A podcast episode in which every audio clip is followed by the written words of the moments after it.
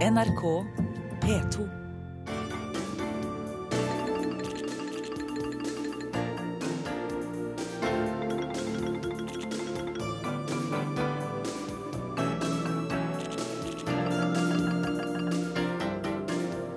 Det nye Europa er født. I natt vokste EU-familien til 450 millioner mennesker. Jubelen er stor i de ti nye medlemslandene, men frykta er vel så stor i etablerte EU-land om at det nye søskna skal bli en klamp om foten. Slik åpna verden på lørdag 1. mai for ti år siden. EU ble utvida med 74 millioner innbyggere og ti land, mange av dem fra det tidligere jernteppet. I dag skal vi fortelle historien om hvordan det gikk.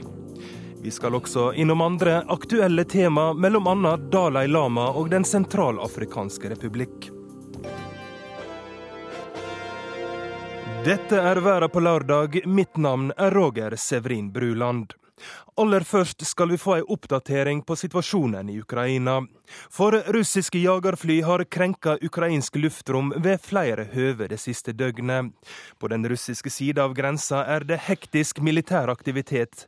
Barack Obama sa denne veka at om den russiske hæren krysser den ukrainske grensa, vil hele sektorer av russisk økonomi bli råka av strenge sanksjoner. Samtidig har G7-landa i dag blitt samde om flere økonomiske straffetiltak som kan bli satt i verk allerede mandag. Og Moskva-korrespondent Hans-Wilhelm Steinfeld, du har nå i flere uker rapportert at Putin ruser stridsvognene sine på den ukrainske grensa. Vil han gå til angrep? Nei, det tror jeg ikke. Og jeg begrunner optimismen med at 100 000 ukrainere står med våpen klart til å forsvare sitt land, ifølge fungerende president i Kiev. Det betyr en konvensjonell storkrig. Russland er i dag mye mer tilbakesatt militært enn det var for 33 år siden. Da ruset russerne sine stridsvogner i polakkenes bakgård, men torde ikke å gå til invasjon i desember 1981. I stedet påpresset de polakkene en militær unntakstilstand, for de visste de også ville fått en stor krig der. Så um, gårsdagens uttalelser fra fungerende statsminister i Kiev om at russerne planlegger tredje verdenskrig, bør ikke ødelegge helgen for folk. Vi får eh, meldinger om at flere OSSE-observatører er tatt til fange, bl.a. en svensk og en dansk offiser. Hva mer vet vi om det? Ja, dette skjedde i Slaviansk, og en talsmann for de russiske separatistene påstår at en spion fra regimet Kiev skal være blant OSSE-observatørene. Det er farlig! For 22 år siden skulle fulle kosakker under borgerkrigen i Moldova henrette min egen researcher som var av moldovisk nasjonalitet, fordi han tydeligvis var spion. Det lyktes meg å overtale de fulle kosakkene fra å henrette mannen. Og når russerne begynner å tromme på spiontrommene sine, er det fare på ferde. Og skulle noe tilstøte disse OSSE-observatørene, så står det om Russlands medlemskap i Europarådet. Eh, nå er jo Russland allerede straffa med økonomiske sanksjoner. Hvordan merker en det der du er? Ja, Russerne merker at uh, dette her begynner å tære på økonomien deres. I går hevet uh, statsbanken renten med en halv prosent. Den er oppe i 7,5% nå. Det kan bety 20 infla inflasjon dette året. Så langt i år har utlendinger trukket ut 70 milliarder amerikanske dollar fra Russland. Russland fikk redusert kredittverdigheten sin i går. Rubelen er svekket, og veldig mye av russisk forbruk baseres på import. Det blir blir mye dyrere for folk. Og så lurer vi på hva som skjer med denne Genéve-avtalen. For det er jo ingen tegn på at disse her separatistene har tenkt å forlate Sørøst-Ukraina. Hva spill er det de driver med nå? Ja, Fremfor alt er det Russland som spiller et falskspill. Og vi skal huske hvor rasende Putin ble. Han skulle kverke tsjetsjenerne i utedassen, sa han, ordrett da de drev med sin separatisme. Nå puster han til samme ilden i Øst-Ukraina. Åpenbart for å bruke et litt uærbødig uttrykk for å forjævlifisere forholdene for myndighetene i Kiev foran presidentvalget 25. mai. For øvrig anerkjenner ikke eh, Russland, utilregnelig som landet nå er, regimet i Kiev. Takk til deg, Hans-Wilhelm Steinfeld fra Moskva. Wien var den store arenaen for konfrontasjon mellom spioner under den kalde krigen. Det var i dette miljøet Graham Greene henta inspirasjon til boka Det falne idol, om den amerikanske agenten Harry Lime som handla med penicillin på svartebørsen. Vi kjenner kanskje denne historien best fra Orson Wells-filmen Den tredje mann. Nå har Ukraina blitt det nye Wien, forteller Hans-Wilhelm Steinfeld.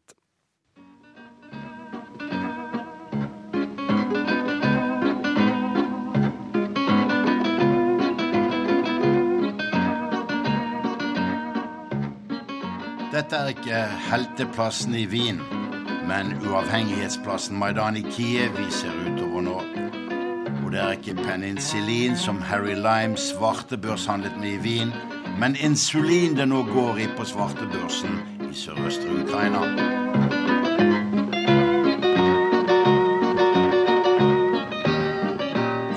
Sukkersyke herjer hos feite, forspiste, fordrukne unge russere, ukrainere og hviterussere, barbert på skallene sine.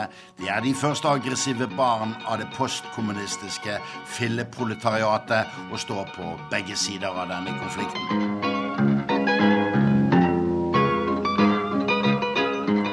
Er så feit at den hviterussiske diktator Aleksandr Lukasjenko denne uken formante sine lands menn om ikke å stå opp nattestid for å ete kjøtt og poteter. Her i Kiev tørner nå CIA sammen med de hemmelige tjenestene fra Russland. Russerne har denne vinteren og våren vist hvor nøye de avlytter den amerikanske ambassaden i Kiev.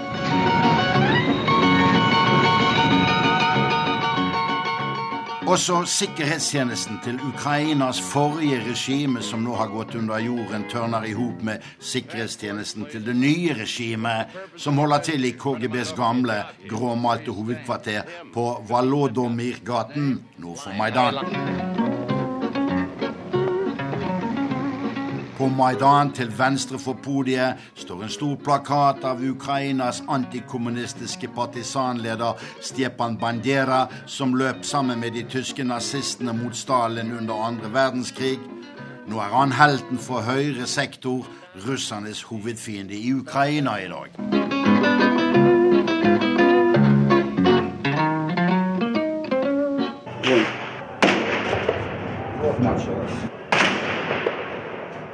Torsdag 20. februar begynte skytingen ved Hotell Ukraina, der jeg bodde under frokosten klokken ti over ni.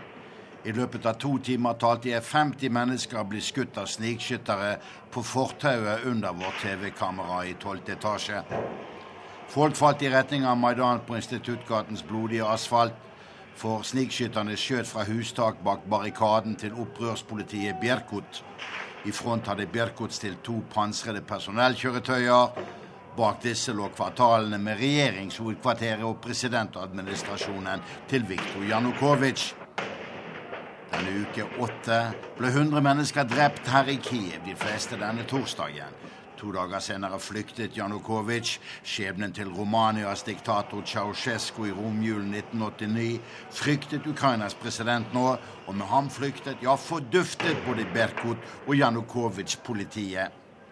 Likevel dristet Janukovitsjs sikkerhetssjef Vjatsjeslav Zanjevskij seg å påstå dette om hvem som skjøt 20.2 fra sitt eksil i Russland. С 2008 по 2012 год я фактически возглавлял безопасность Януковича. Да, безусловно, наверное, были некие перегибы. Люди выполняли приказ.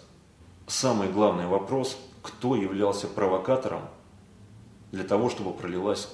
Jeg ledet faktisk president Janukovits sikkerhetspoliti fra 2008 til 2012, og ja, det skjedde overgrep nå. For folk utførte jo bare ordre. Det viktigste er hvem som provoserte frem situasjonen da blod fløt i Kiev 20.2, sier Janukovitsj, forrige sikkerhetssjef. Han påstår skarpskyttere fra Maidan ble sendt ut for å krisemaksimere situasjonen ved å skyte ned sine egne på Instituttgaten. For oss som sto der, er påstanden foraktelig absurd. Men Europarådet har nå likevel satt ned en granskingsgruppe for å se på hvem som sto bak blodbadet i Kiev 20.2, da regimet falt.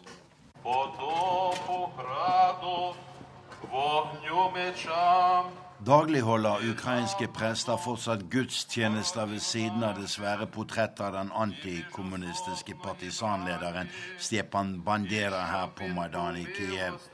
For russerne er Bandera et nazisymbol. Og hovedfienden her i Kiev for russerne er ifølge russisk fjernsyn Høyres sektor og dens leder Dmitrij Jarosh. Men til høyre for Høyre sektor er det ekstreme høyrepartiet Svaboda eller Frihet, med dokumenterte neonazistiske lederfigurer i spissen, som partiet Jobbik i Ungarn nå. Den ukrainske høyresiden opplever politiske mord denne våren. Vi beveger oss til det godt bevoktede hovedkvarteret til russernes hovedfiende høyre sektor i bydelen Padol her i Kiev. Når vi spør den 43 år gamle lederen og ukrainsklektoren Dmitrij Jarosh hvorfor han er hovedfienden for Kreml her i Ukraina, svarer lederen for høyre sektor. Правий сектор був авангардом української революції. Нам вдавалося Høyre sektor var avantgarden i den ukrainske revolusjonen. Vi klarte å endre situasjonen og ødelegge planene til Janukovitsj og Moskva her i Ukraina sier den alltid smilende Høyre-leder Jarosh når vi spør om hans gruppe f.eks. kan sammenlignes med neonazistpartiet Jobbik eller de beste i nabolandet Ungarn, svarer han. Fides eller Jobbik? Bare ikke Jobbik, sier Kremls fiende nummer én i Ukraina. I gasslysatmosfæren som russerne prøver å skape her i konfrontasjonsarenaen for den nye kalde krigen i Ukraina, har vi i det minste brakt det på det rene.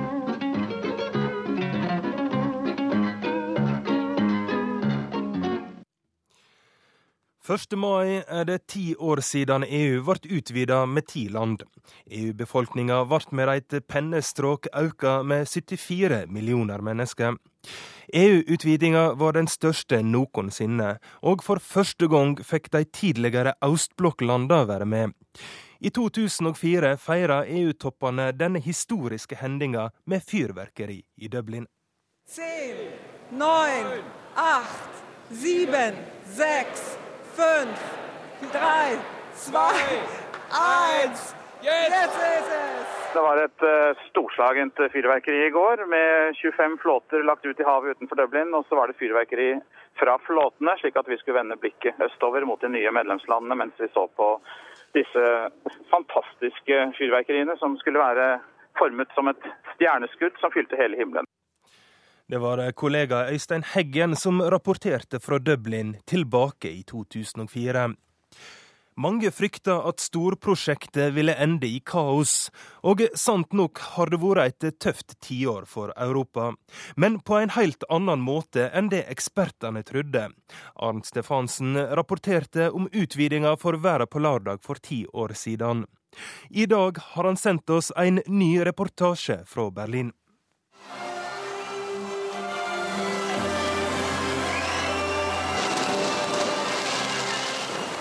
Det var en stjernestund for Den europeiske union da 74 millioner europeere i ett jafs ble med i samarbeidet. Blant de ti nye medlemslandene var åtte tidligere østblokkland. Polen, Tsjekkia, Slovakia, Ungarn, Slovenia, Estland, Latvia og Litauen. 15 år etter Berlinmurens fall gjorde Europas viktigste organisasjon det store spranget østover. Det har forandret mye. Berlin i går. Fotografene tar sine bilder når Polens statsminister Donald Tusk er på besøk hos Tysklands forbundskansler Angela Merkel. Ja, meine Damen und Herren, ich freue mich, Donald Tusk ähm, heute in Berlin begrüßen zu können. Det nære samarbeidet mellom de tidligere erkefiendene Tyskland og Polen er blitt en av hjørnesteinene i det nye alleuropeiske EU. På gårsdagens møte var det Ukraina-krisa og forholdet til Russland som sto øverst på dagsordenen. Den tyske EU-eksperten Tanja Børtzel, professor ved Freie Universitet her i Berlin, slår fast at Polen spiller en stadig viktigere rolle i Den europeiske union. Jeg tenker at Polen hat. Polen har funnet en plass i EU som står i forhold til landets betydning. Den tysk-franske aksen vil fortsatt være bærebjelken i EU-samarbeidet, men Polen er kommet til som en viktig tredje kraft. Dette handler bl.a. om at det historiske forholdet mellom Tyskland og Polen nå er bedre enn noen gang før. La meg si det slik, den fransk-tyske motor har fått en sylinder til, og denne sylinderen er Polen, sier eksperten.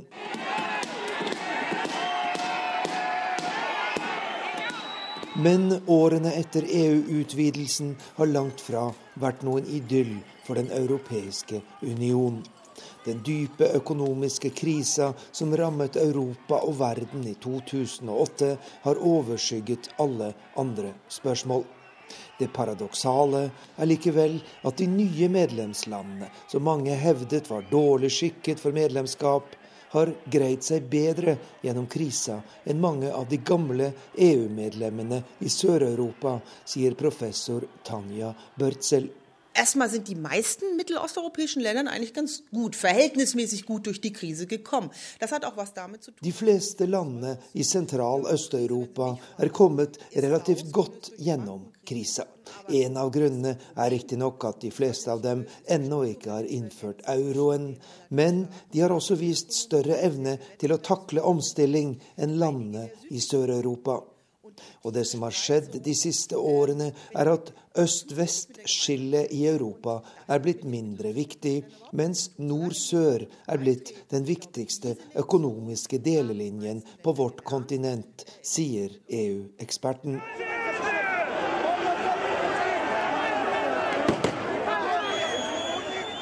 Ti år etter EUs utvidelse mot øst er det ikke finanskrisa, men situasjonen i Ukraina som først og fremst bekymrer europeerne.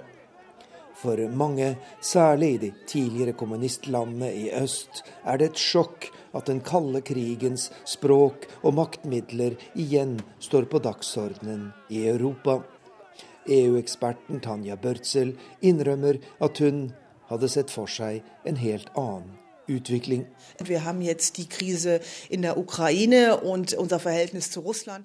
Krisa og forholdet til Russland er åpenbart den største utfordringen i øyeblikket. Vi har fått et kaldkrig-scenario som vi trodde vi hadde lagt bak oss. Men jeg mener også at det er for tidlig å erklære at eurokrisa er over. Det er fortsatt store problemer å løse i kriselandene i Sør-Europa, og vi vet verken hvor lang tid det vil ta, eller hvilke langtidsvirkninger denne krisa vil få, sier professor Tanja Børtzel ved Freie Universitet her i Berlin.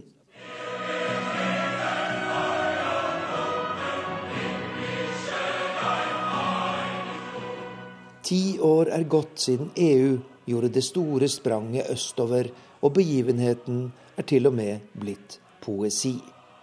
Da det daværende irske EU-formannskapet ønsket 15 gamle og 10 nye medlemsland velkommen til Phoenix-parken i Dublin, leste nobelprisvinneren Seimus Heaney sitt eget dikt om EU-utvidelsen, med bilder fra keltisk mytos og europeisk historie.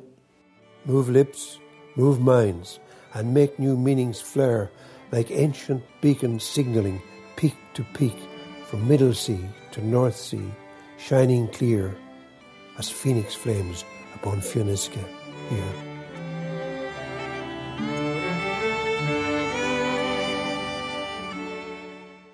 Ja, velkommen til deg, Kate Hansen Bundt, generalsekretær i Den norske atlanterhavskomité. Du har også ei fortid som forskningsleder for Europaprogrammet.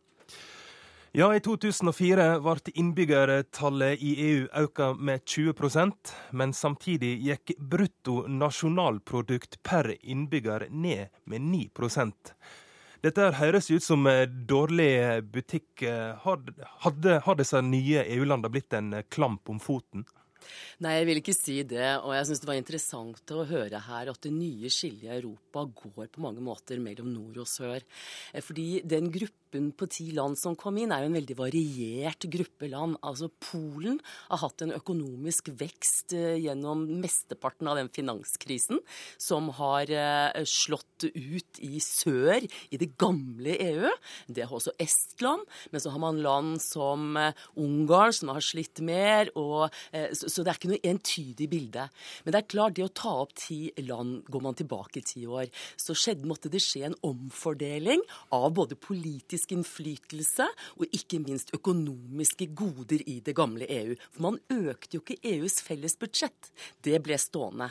Så en del av de pengene som tidligere gikk til EUs fattige, som den gang var Hellas, Spania, Portugal, fløt da østover til de nye landene i årene, altså de ti årene som fulgte. Og dette har nok vært med på å fordype noe av krisen i Sør-Europa innenfor eurosonen. Men ti år etter har eh, nå det her EU-prosjektet klart å modernisere de nye landene i øst? Jeg tror Det som var veldig viktig, var at man allerede i 1993 besluttet at man skulle utvide. Så hadde man en tilpasningsperiode for disse landene frem til 2004, hvor de fikk på en måte hjelp eh, både ved eh, en gulrot om at de skulle få et medlemskap, men også ble pushet til å gjennomføre strukturelle markedsreformer av økonomien, eh, politiske reformer, sånn at man skulle sikre deres demokrati, innføring av lover, sikring av rettsstaten. Og dette gjorde de. Så det ble på en måte det å skulle bli medlem gjorde at man eh, fikk igjennom en god del reformer som man var nødt til å gjøre. Så etter at man ble medlem, så har noen av landene nok slakket av på å videreføre de reformene. Sånn at man i dag ser et Ungarn med en politisk utvikling eh, som kanskje ikke er det demokratiet vi hadde håpet at det skulle bli. Ja, Hvis jeg kan eh, utfordre deg litt på her, disse her litt nye politiske kulturene som ble introdusert i EU. Hvordan klarer EU å takle sånne høyreekstreme partier, sånn som du snakker Jobbik i Ungarn f.eks.? Men nå skal det jo sies at høyreekstremismen også er høyst levende i det gamle vestlige EU. Eh, Le Pens eh, Nasjonal Front i Frankrike, vi har Gert Wilders i Nederland, og så har man ja Jobbik, og man har også en del grupperinger i Polen. Eh, de henter eh, sin eh, på en måte sine De får støtte fra de som er motstandere av et sånt overnasjonal utvikling i EU. Altså fra selve EU-prosjektet selv. Så det er en reaksjon mot prosjektet? Ja, det er en reaksjon både mot EU-prosjektet, og hvor man har en integrasjon som kanskje har gått litt fort, og eurokrisen, som har skapt altså sosiale, økonomiske problemer, høy arbeidsledighet i EU, men også mot immigrasjonen, eh, som jo kommer pga. at Europa i dag er omkranset av en rekke kriser. Syria, Nord-Afrika osv. Så, videre. Eh, så dette er jo ikke entydig bare i eh, det gamle øst, men man ser det også i stor grad der. Så må vi snakke litt om de landene som ikke fikk lov å være med i klubben tidligere. Jugoslavia f.eks. Jeg eh, kan jo nevne Makedonia som et eksempel. Et land som fikk kandidatstatus i 2005. Og siden så har det skjedd veldig lite der. Eh, nå er det jo ulike grunner til det, men eh, men hva har konsekvensene vært for de landene å bli holdt utenfor denne, det gode selskap? Det har naturligvis manglet insentivet til å gjennomføre de viktige politiske og økonomiske reformene som må på plass for at de i det hele tatt skulle kunne takle å være EU-medlemmer. Eh, men EU, med å ta opp disse ti landene, så inntrådte det en sånn utvidelsestretthet, snakket man om. Man smatt jo på plass Romania og Bulgaria i 2007, og så gikk det syv år før man åpnet opp for Kroatia i år. Eh, og, og motstanden bare økte og økte? Motstanden internt økte fordi det ble en utfordring. Man fikk ikke på plass det styringssystemet man ønsket.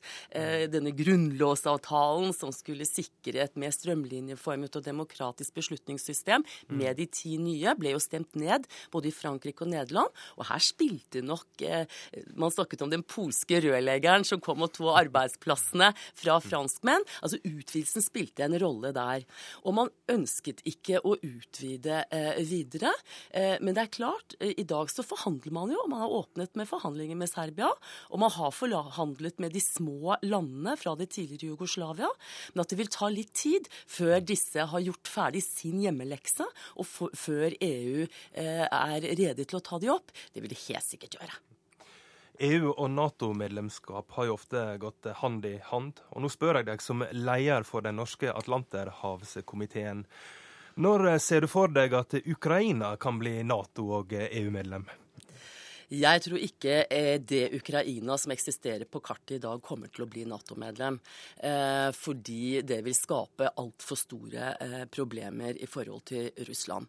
Nå er jo Ukraina inne i en nærmest borgerkrigstilstand. Man aner ikke om Ukraina blir splittet, om man får en politisk løsning med et føderalt Europa, hvor de to delene kan velge ulikt. Men det vil ta mange, mange år. Så skal man ikke glemme at Ukraina er en korrupt stat. Det er en stat uten politiske og økonomiske strukturer som fungerer eh, sånn som det gjør i våre land. Og man har altså oligarker eh, som stiller til valg 25. Eh, mai. Så det vil ta veldig lang tid. Takk til deg, Kate Hansen Bundt, generalsekretær i Den norske Atlanterhavskomité. Da skal vi snakke om den polske rørleggeren, for vi skal ett år fram i tid i historia om det nye EU. Det er 2005. Storbritannia og Irland hadde åpna grensene sine for de nye medlemslandene fra øst. Det førte til ei bølge av innvandring, spesielt London var en populær by. Og det førte til at innvandring sigla opp som den viktigste saka i den britiske valgkampen i 2005. The, the um, got quite a, a diverse population as well. Um, Lawrence Webb tilhører det britiske uavhengighetspartiet og vil forsøke å vinne en plass i parlamentet for sin valgkrets Hornchurch her på østkanten av London. Nei til EU og strengere kontroll med innvandringen er saker Lawrence Webb brenner for når han nå så smått har begynt å drive valgkamp. So, tell me about uh, immigration in the area. Has there been much of a change? It's caused a lot of problems here, I think. I think there's a lot of people, there's a, a couple of old ladies I serve who don't frightened to come out because they've had. I'm not saying that that's the reason, but due to a lot of a lot of who, sort of the Eastern Europeans and people like that have come along, it's changed the area like tenfold. You know what I mean? It's not. But what do you do? You can't. It's part of life, isn't it? It's part of society now, so you just got to get on with it. Deler av London har helt skiftet karakter i løpet av de siste årene pga. den høye innvandringen. Lawrence Webb har fulgt denne utviklingen nøye, og han mener den er bekymringsfull. The whole of uh, East London has seen uh, a dramatic demographic change, and say that the change has happened in, in two years from there being very few uh, immigrants in the area to some streets of having 50% you know, of migrant families living there. Ja, vi hørte her eh, Kari Grete Alstad rapportere fra London i 2005. Og eh, London-korrespondent eh, Espen Aas, hvordan ser en på de åpne grensene fra den gangen til nå i dag? Ja, De åpne grensene er blitt hentet frem i den politiske retorikken mange ganger, særlig i løpet av det siste halve året, i forbindelse med at man fjernet restriksjonene for innvandring fra Bulgaria og, Romania. Og senest i høst så innrømmet tidligere justisminister for Arbeiderpartiet, Jack Straw, at disse åpne grensene det var en enorm feilvurdering. En masse gode intensjoner som, selv, som de selv klarte å rote til.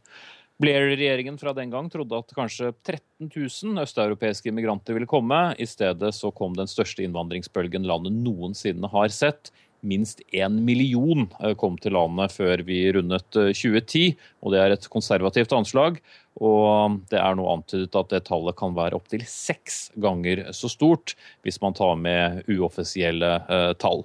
Og det var jo ikke noen infrastruktur til stede for en så stor innvandring. Det var ikke boliger nok, det var ikke skoler nok.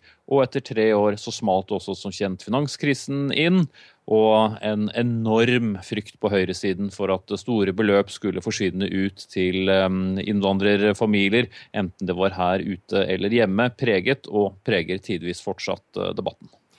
Ja, hvordan uh, er forholdet mellom polakker og briter nå ti år etter?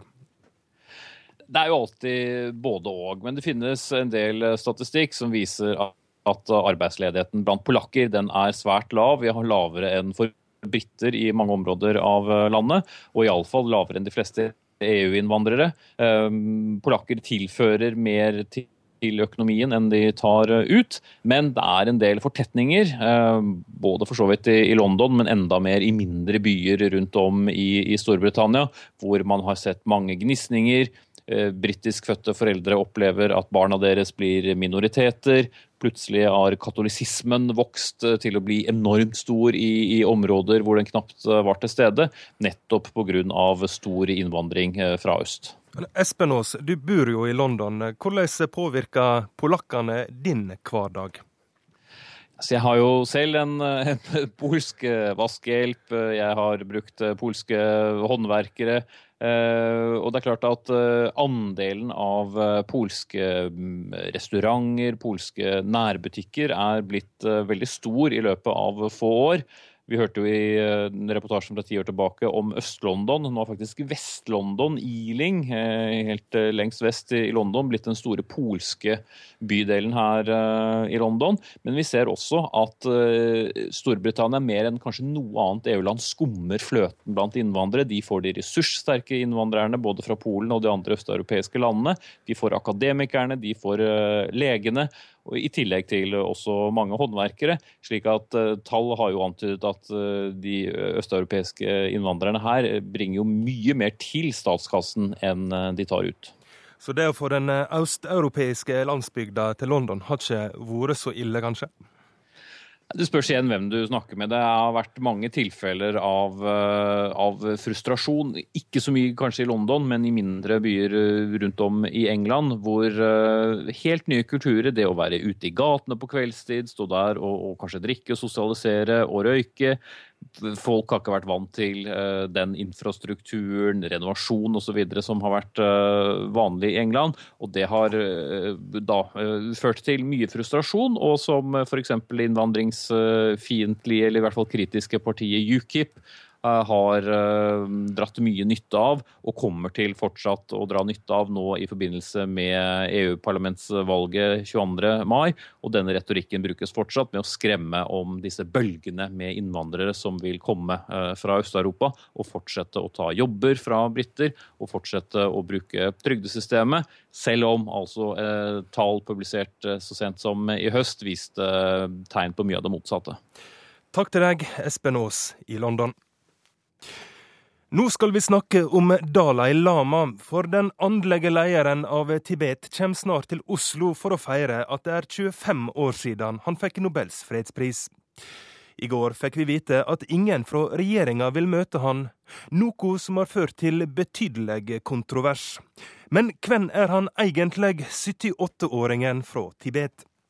Nobels fredspris går altså i år til den 14. Dalai Lama men nå er dette litt komplisert. For nobelprisvinneren fra 1989 heter ikke Dalai Lama. Han er Dalai Lama. Som vår Asia-korrespondent i 1989, Martin Lone, fortalte den gang.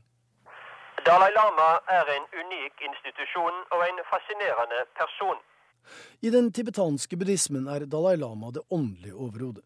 Fritt oversatt så betyr det lærer, altså en mann som med sin visdom og klokskap skal lede og rettlede sitt folk i religiøse spørsmål. Men siden Tibet fra gammelt av var et teokrati, altså et prestestyre, så blir den fremste åndelige lederen også den fremste verdslige lederen, med andre ord et slags statsoverhode, i den grad tibetanere den gang hadde verdslige tilbøyeligheter. Men for den 14. Dalai Lama så ble det verdslige tidlig en utfordring. Like etter at kommunistene tok makten i Kina i 1949, invaderte de Tibet. Og etter den endelige kinesiske maktovertagelsen i 1959 så flyktet den unge Dalai Lama til India, der han siden har levd i eksil. Nå reiser han rundt og sprer sitt buddhistisk-gandhiske budskap. Vold avler vold, sier Dalai Lama. Generally speaking, See, through violence, you may achieve something, but often creates another, even bigger problem.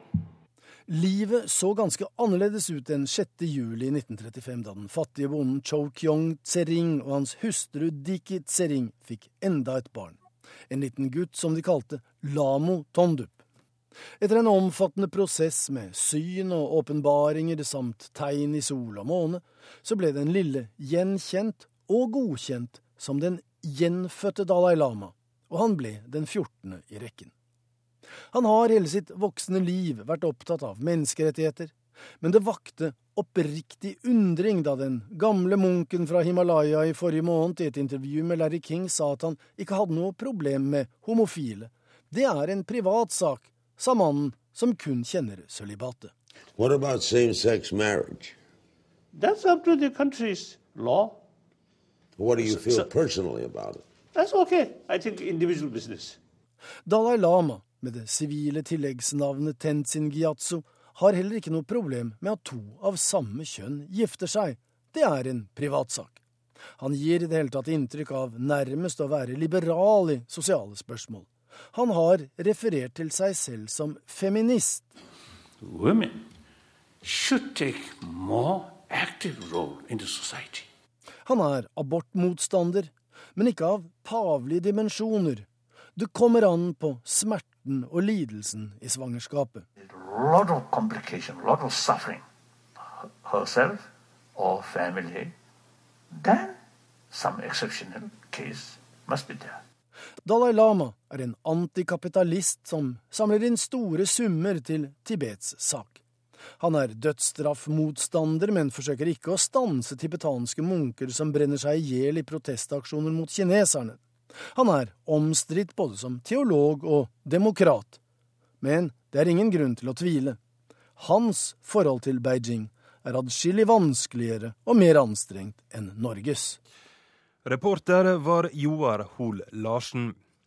I Den sentralafrikanske republikk er store deler av den muslimske befolkninga jaga på flukt av morderiske militser. Men muslimene i byen Båda kan ikke reise, til tross for matmangel og hyppige angrep. De er beleira av kristne, kristne militsgrupper, og deres siste håp er at utenlandske styrker skal hjelpe dem ut.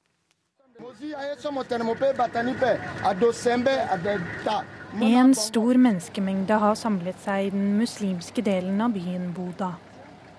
De venter på dagens rasjon med mat. Et par menn kommer med trillebårer fylt med små risposer. Men det er ikke mange nok til alle som har møtt opp.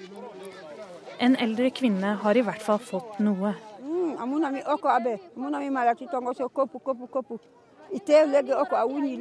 Vi får bare dette. Det er vel en kopp ris til hver. Det er nok til ett måltid, og så er det borte, forteller hun. Hun er en av de om lag 14 000 muslimene som lever i denne delen av Boda. De har ikke mat, de har ikke medisiner, og de blir stadig utsatt for angrep fra kristne militsgrupper. Nafisa på 17 år holder et lite barn på armen. Det er niesen hennes, men etter at svigerinnen ble drept, må hun innta rollen som mor. Min svigerinne gikk ut med et vannfat. Jeg vet ikke hvor hun var på vei, men like etter kom det et barn løpende og ropte at det var anti-Balaka-soldater som hadde angrepet. Anti-Balaka er navnet på de kristne militsgruppene i Den sentralafrikanske republikk. De har av en rekke menneskerettighetsgrupper blitt beskyldt for å målrettet angripe den muslimske befolkningen. Voldsbølgen i landet startet etter at muslimske opprørere kuppet makten i mars i fjor. Noen av opprørerne startet en kampanje med drap, voldtekt og plyndring. Muslimene som er i mindretall i landet, fikk skylden for opprørernes brutaliteter og ble målskive for kristne militante grupper som ønsket hevn. FN har rapportert om etnisk rensning av muslimer i den vestlige delen av landet. Hovedstaden Bangui er nesten tømt for muslimer, og 80% av den muslimske befolkningen er tvunget på flukt eller drept. Men innbyggerne i Boda kan ikke flykte. De er omringet av kristne militsgrupper og tør ikke å bevege seg utenfor sin tildelte sone. To er bloqué. On ne voit rien. Bon, d'avoir des produits, c'est cher. Maintenant, les petits produits qui rentrent ici par forråd, Alt er blokkert. Ingenting kommer inn, sier Ado Kone, en ung muslimsk mann.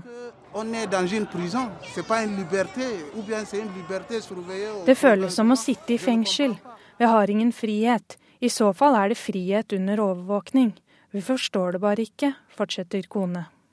De svakeste dør, av feilernæring eller sykdommer. Utenlandske organisasjoner og Verdens matvareprogram forsøker etter beste evne å dekke innbyggernes behov. Men det er for lite av alt, og det er vanskelig å få varer inn. De fleste er innstilt på å forlate alt de eier, men de trenger militær eskorte for å frakte dem sikkert gjennom områdene som er kontrollert av de kristne militsgruppene.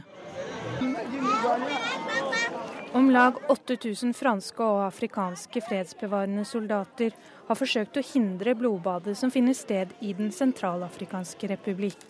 EU har sendt en håndfull og lover til sammen 8000. FN har gitt klarsignal for en styrke på 12 000, men de kommer ikke før i september. Da kan det være for sent for den muslimske befolkningen i Den sentralafrikanske republikk. Reporter var Silje Herbro Landsverk. Og vi har med oss eh, generalsekretæren i Unicef Norge, Bernt eh, Apeland. Kavaleriet er på vei, men mm. Eh, vil de nå fram i tide? La oss håpe det, men det er altså I dag er det, som det ble sagt i reportasjen, 8000 soldater i et land som er dobbelt så stort som Norge, og hvor egentlig ingenting i utgangspunktet fungerer, og sikkerhetssituasjonen er utrolig dårlig. Så selv om kavaleriet er på vei, så er jeg redd for at mange av disse menneskene vil gå en veldig veldig vanskelig tid i møte. Både i forhold til den rene fysiske sikkerheten mot, mot krig, eh, krig, krigsovergrep, men også, som det ble sagt her, eh, krigens andre bølge, nemlig underernæring og sykdom. Nå uh, hører vi i reportasjen her at uh, de er beleira, mennesker er beleira i sånne mm. enklaver. Mm. Eh, hvor, og du har jo nylig vært i, mm. Eh, i Den sentralafrikanske republikk. Mm. Hvordan klarer en å bringe bistand til disse her enklavene? Det er veldig vanskelig fordi sikkerhetssituasjonen er veldig vanskelig, og infrastrukturen er eh, veldig dårlig. Det er veldig lite eh, gode veier til å transportere ting på, og når sikkerhetssituasjonen da i tillegg er dårlig, så er det kjempevanskelig. I tillegg er det ganske vanskelig å finne fram til mange. Bare i forrige uke så ble det funnet to nye leire som ingen hadde visst om, eh, visst om inntil nå. Og Det betyr at antageligvis er mange mennesker her fortsatt som vi ikke har nådd fram til. Eh, og så er det det at eh, Den sentralafrikanske republikk er ikke bare en glemt konflikt, det er nesten en, en totalt ukjent konflikt. sånn at vi sliter veldig med å få eh, nok penger til å eh, finansiere hjelpen. Og det er altfor få organisasjoner der. sånn at eh, disse menneskene er blant de mest sårbare menneskene vi ser i verden i dag. Ja, Du er inne på det. Den sentralafrikanske republikk er kanskje ukjent eh, for eh, nordmenn og europeere flest. Det ligger midt inne i Afrika. Eh, I tillegg til logistikkproblem. Hvordan klarer dere i bistandsverden å gjøre folk oppmerksomme på det som skjer i denne, denne republikken? Ja, Det er kjempevanskelig. Eh, dette var jo en av grunnene til at jeg reiste til eh, Den sentralafrikanske republikken for et par måneder siden for å prøve å skape oppmerksomhet. Men vi slåss altså om oppmerksomheten mot eh, Ukraina, som dere har viet ganske mye oppmerksomhet tidligere i dag, med rette. Vi slåss om oppmerksomheten knyttet til Syria, med rette. Og vi slåss om oppmerksomheten knyttet til Sør-Sudan, med rette. Problemet er bare at disse barna og disse menneskene som lever i dette landet, har akkurat de samme lidelsene, har akkurat de samme behovene. Eh, og, eh, men det er ingen som hører når vi roper. Eh, og Derfor må vi bare fortsette prøve å rope, og kanskje rope litt høyere. Lykke til med det, generalsekretær i Unicef Norge, Bernt Apeland. Da skal vi til korrespondentbrevet som kommer fra Anders Magnus i Beijing, og handler om Dalai Lama. Hva gjør du når skolens mektige bølle står der, midt i skolegården, og advarer deg om at du ikke får være med en av dine gamle venner? Bøllen misliker denne vennen og forlanger at alle andre også skal fryse ham ut. Jeg har vært der som korrespondent til Kina og mottatt bøllens advarsler om at jeg ikke burde rapportere slik jeg gjorde. Hvis jeg derimot fulgte hans anbefalinger, kunne livet mitt som journalist her i landet bli svært mye enklere. Nå er det norske politikere som står der i skolegården og lurer på hva de skal gjøre, stilt overfor bøllens trusler om ytterligere utfrysing. Utenriksminister Børge Brende og hans politikerkolleger må ta det vanskelige valget mellom bøllen og vennen. mellom å holde menneskerettigheter høyt eller la seg kue av økonomiske trusler. Jeg har alltid opplevd at Brende og hans partikolleger har tatt menneskerettigheter og ytringsfrihet på største alvor. I det siste har det likevel sneket seg inn en tvil, og jeg skriver dette brevet i håp om at denne tvilen kan fjernes. Sensommeren 2010 kom jeg hit til Beijing i Kina som NRKs korrespondent, og ble svært godt mottatt av de kinesere jeg traff, også representanter for myndighetene. To måneder seinere ble situasjonen brått en annen, etter tildelingen av Nobels fredspris til den fengslede demokratiforkjemperen Liu Xiaobo. Høyres nestleder Jan Tore Sanner foreslo å gi prisen til Liu, som ble en av de mest meningsfulle tildelingene på mange år. Men den gjorde jobben min svært mye vanskeligere. Ingen representanter for det offisielle Kina ville lenger ha noen kontakt med norske politikere, den norske ambassadøren i Beijing eller NRKs utsendte. Og slik er situasjonen fortsatt. Selv ikke Børge Brende får lenger møte sine gamle venner blant kinesiske toppledere, fordi han har blitt norsk statsråd. Verdens inntrykk av Kina er et land i voldsom økonomisk framgang med en stadig rikere befolkning. En stat det lønner seg, bokstavelig talt, å ha et godt forhold til, slik at våre bedrifter kan få tilgang til det store kinesiske markedet. Men man må ikke glemme at Kina er en politistat, styrt av det allmektige kommunistpartiet. Partileder Xi Jinping, som også er Kinas president, har strammet kraftig inn på ytringsfriheten det siste året. Internett har blitt renset for kritiske kommentarer til partiet, og flere av de tidligere mest frittalende på nettet er arrestert og bloggene deres stanset. De få som fortsatt tør å opponere offentlig, blir dømt til fengsel i flere år. Mange menneskerettighetsadvokater som forsvarer dissidentene, har fortalt at også de har blitt anholdt og brutalt torturert i politiets varetekt. Kinesiske journalister kontrolleres nå enda hardere enn før. Flere artikler blir tatt av sensuren, og skriver man noe kommunistpartiet ikke liker, er det stor risiko for å få sparken, eller i verste fall havne i fengsel. Mot slutten av fjoråret måtte journalistene gjennomgå en såkalt ideologisk trening, avsluttet med eksamen i marxistisk journalistikk. Her ble det lagt avgjørende vekt på kunnskaper om hva partiet tillater å omtale eller ikke. Partisjef Xi sa det slik i en tale. Det er viktig at internett er kontrollert av folk som er lojale overfor marxismen, lojale overfor partiet og overfor folket. Vestlige land har lenge hevdet nødvendigheten av nær kontakt med myndighetene i Kina, bl.a. for å kunne fortsette dialogen om brudd på menneskerettighetene i landet. Et argument også Norge brukte før nobelprisen. Storbritannia skulle ha en slik dialog med Kina onsdag 16.4, men dette møtet ble brått avlyst fra kinesisk side etter at en britisk rapport beskrev det siste årets innstramminger i ytringsfriheten i Kina. Kina er nå så mektig både økonomisk og militært at det er deres myndigheter som dikterer hvordan enkelte menneskerettigheter skal praktiseres, ikke bare i Kina, men også i våre vestlige demokratier. Med sterk støtte fra Norge vedtok FNs menneskerettighetsråd i slutten av mars i år en resolusjon som framhever borgernes rett til fredelige protester. Her heter det at alle stater har en forpliktelse til å bistå individer og grupper som vil bruke sine rettigheter til forsamlingsfrihet og ytringsfrihet, bl.a. ikke-voldelige demonstrasjoner. Resolusjonen er i pakt med våre beste tradisjoner, men blir dessverre ganske enkelt satt til side når Kina banker på døren med sin svære økonomiske neve og forlanger at ting skal skje på samme måte som i den kommuniststyrte ettpartistaten. Tidligere i år var partileder og president Xi Jinping på besøk i flere europeiske land. Både i Frankrike og i Belgia ble religiøse dissidenter fra Kina hindret i å demonstrere langs ruten til Xi. Kinesiske myndigheter hadde på forhånd gitt klar beskjed om at demonstrasjoner ved besøket var helt utelukket. Et krav som ble imøtekommet av de europeiske vertene, stikk i strid med deres egne stolte tradisjoner og regler. Det samme skjedde da Xi var på besøk i Irland i 2012 og i New Zealand i 2010. Europeerne går ikke på akkord kun med retten til å demonstrere. De har også innført kinesiske myndigheters praksis med ikke å snakke med pressen.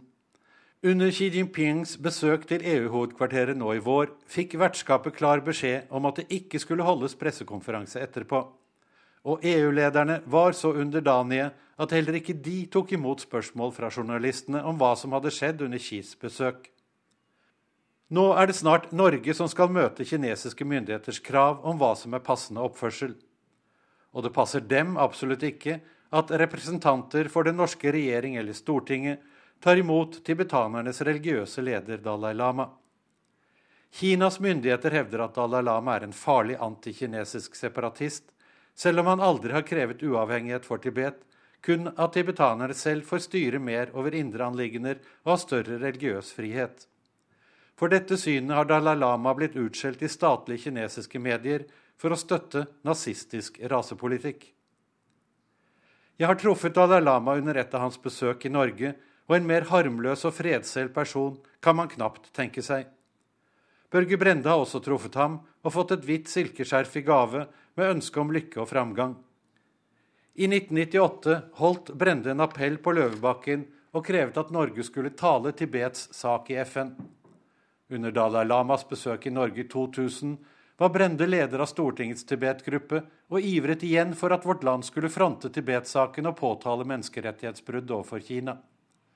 I 2008 tok partikolleger i Høyre, Erna Solberg og Olemic Thommessen, opp Tibets sak i Stortingets spørretime og krevet at den rød-grønne regjeringen skulle ha et sterkere engasjement for menneskerettighetene i Kina. I begynnelsen av mai kommer Dalai Lama igjen til Norge for å feire at det er 25 år siden han fikk Nobels fredspris. Tidligere leder i Stortingets Tibet-komité og nåværende stortingspresident Olemic Thommessen sier til NRK at han ikke da vil se sin tidligere venn. Det er ikke i Norges interesse at stortingspresidenten møter Dalai Lama nå, sier Thommessen. Nei, kanskje det ikke fremmer våre kortsiktige økonomiske interesser. Men hva taper vi på lengre sikt? Respekten for oss selv og for våre fundamentale verdier når det gjelder ytringsfrihet og menneskerettigheter? Ønsker vi å bøye nakken for et diktatur og la de kinesiske kommunistlederne bestemme vår hjemlige politikk og hvordan vi skal forholde oss til gamle venner. Hvert år når det nærmer seg nyttår og fornyelse av min oppholdstillatelse som journalist i Kina, blir jeg innkalt til møte i det kinesiske utenriksdepartementet. Da har de med seg en stor bunke med oversatte utskrifter av det jeg har publisert i NRK radio, fjernsyn og nett om Kina i løpet av året. Så får jeg beskjed om hva de mener ikke er korrekt, og hva jeg i stedet burde rapportere om landet deres. Jeg har valgt ikke å ta avstand fra mine gode venner, som heter ytringsfrihet og retten til å drive kritisk journalistikk. De er tross alt hele grunnlaget for jobben min, enten den utøves i Kina eller i Norge. Men det har gjort arbeidet i Kina atskillig vanskeligere. Børge Brende og statsminister Erna Solberg har ennå ikke svart på invitasjonen om å møte sin venn Dalai Lama i mai. Kanskje kan de feie all tvil til side og forsikre om at de fortsatt støtter menneskerettene til alle folk, også i Tibet. Jeg har alltid vært stolt over å være norsk under mitt opphold her i Kina. Stolt over norske holdninger til ytringsfrihet og menneskerettigheter. Stolt over norske politikere som holder disse verdiene i høy aktelse. Har jeg tatt feil? Verda på lørdag er slutt. Teknisk ansvarlig Hanne Lunås. Skript Lars Kristian Rød. Jeg er Roger Severin Bruland og har Twitter-ID at Roger Bruland. Hør flere podkaster på nrk.no podkast.